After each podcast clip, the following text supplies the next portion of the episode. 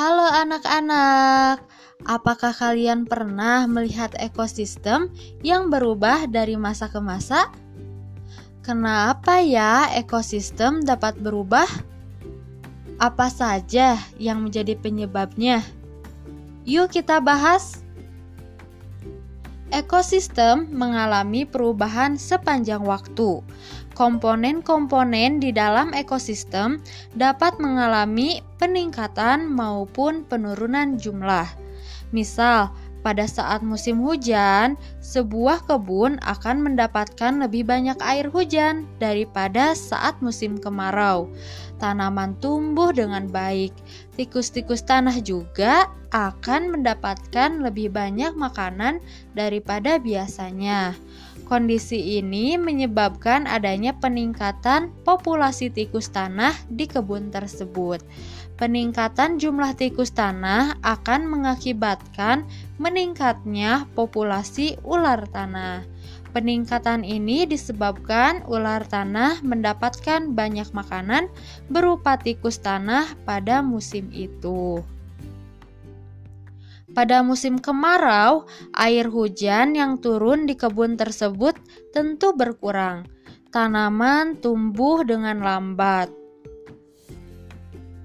makanan yang dihasilkannya juga lebih sedikit.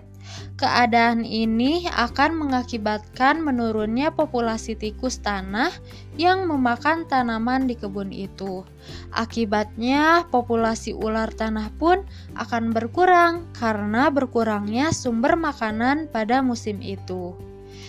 Ekosistem mengalami perubahan baik secara alami maupun karena kegiatan manusia. Perubahan musim seperti dijelaskan di atas merupakan salah satu contoh perubahan alami. Selain musim, hal yang termasuk faktor perubahan alami adalah bencana alam berupa gunung meletus, gempa, tanah longsor, kebakaran hutan, tsunami, angin ribut, dan banjir. Manusia dapat menjadi faktor penyebab terjadinya perubahan ekosistem. Manusia melakukan berbagai kegiatan untuk memenuhi kebutuhan hidupnya. Pembukaan lahan hutan untuk dijadikan sawah dan perkebunan akan mengubah ekosistem. Kegiatan manusia yang menimbulkan pencemaran lingkungan dapat mengubah keseimbangan ekosistem. Masih banyak lagi kegiatan manusia yang dapat mengubah ekosistem. Nah, anak-anak, dari teks yang telah Ibu bacakan, coba tuliskan hal-hal yang penting, kemudian buatlah menjadi peta pikiran. Sampai jumpa.